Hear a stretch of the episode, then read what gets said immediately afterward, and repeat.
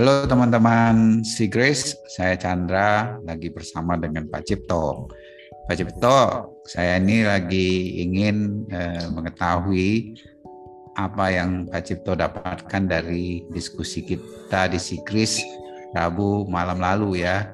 Kita mendiskusikan dari uh, satu firman Tuhan yang sangat uh, sering kita dengar uh, dari Kolose 1 ayat 26 27. Saya bacakan ya. Dibilang di sini yaitu rahasia yang tersembunyi dari abad ke abad dan dari turunan ke turunan tetapi yang sekarang dinyatakan kepada orang-orang kudusnya.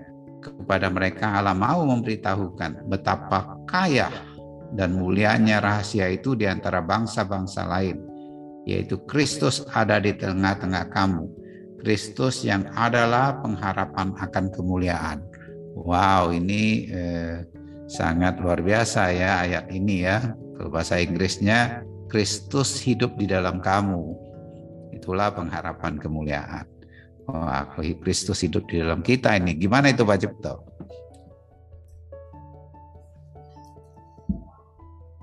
Ya, Pastor Ching. Uh, waktu itu saya punya pengalaman ke, ke rumah sakit ke emergency room karena ternyata ditemukan uh, usus saya itu tidak ber, tidak bergerak ya.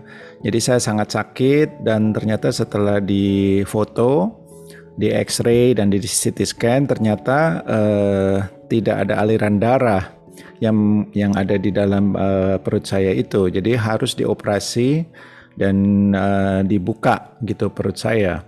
Tentu saya pada saat itu uh, mempunyai satu kekhawatiran uh, karena saya mau mengambil keputusan yang benar kepada dokter siapa dan uh, fotonya ini benar atau salah dan saya mempunyai pengharapan untuk sembuh.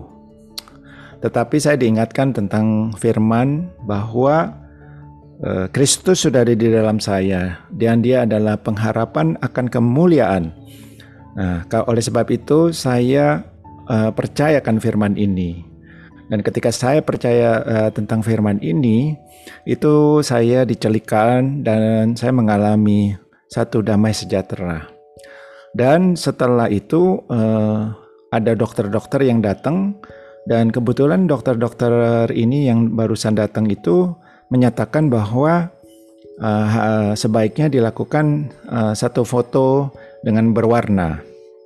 Setelah itu uh, ternyata dilihat uh, perutnya udah jalan lagi, ususnya sudah jalan lagi dan oksigennya sudah mengalir dan saya oke okay, dan bisa keluar dari rumah sakit uh, uh, keesokan harinya.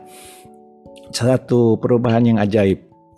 Nah, bagi saya uh, apakah ini terjadi manifestasi yang seperti itu puji Tuhan, tetapi kalaupun tidak termanifestasi dan saya harus dioperasi pun ada hadirat Kristus di dalam saya yang saya yakini menjadi yang terbaik bagi saya.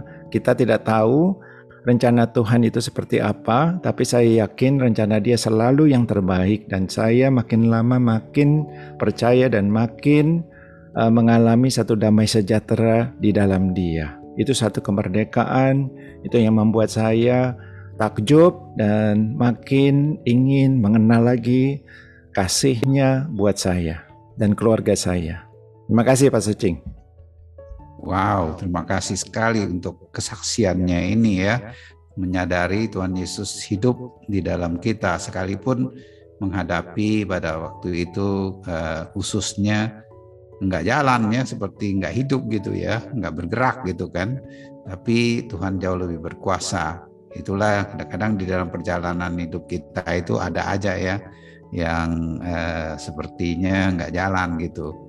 Bukan aja usus gitu ya tapi percaya hidup Tuhan dalam kita jauh lebih besar sehingga ada aja kemuliaan yang dinyatakan dengan berbagai eh, caranya dia eh, bentuk manifestasinya pun bermacam-macam.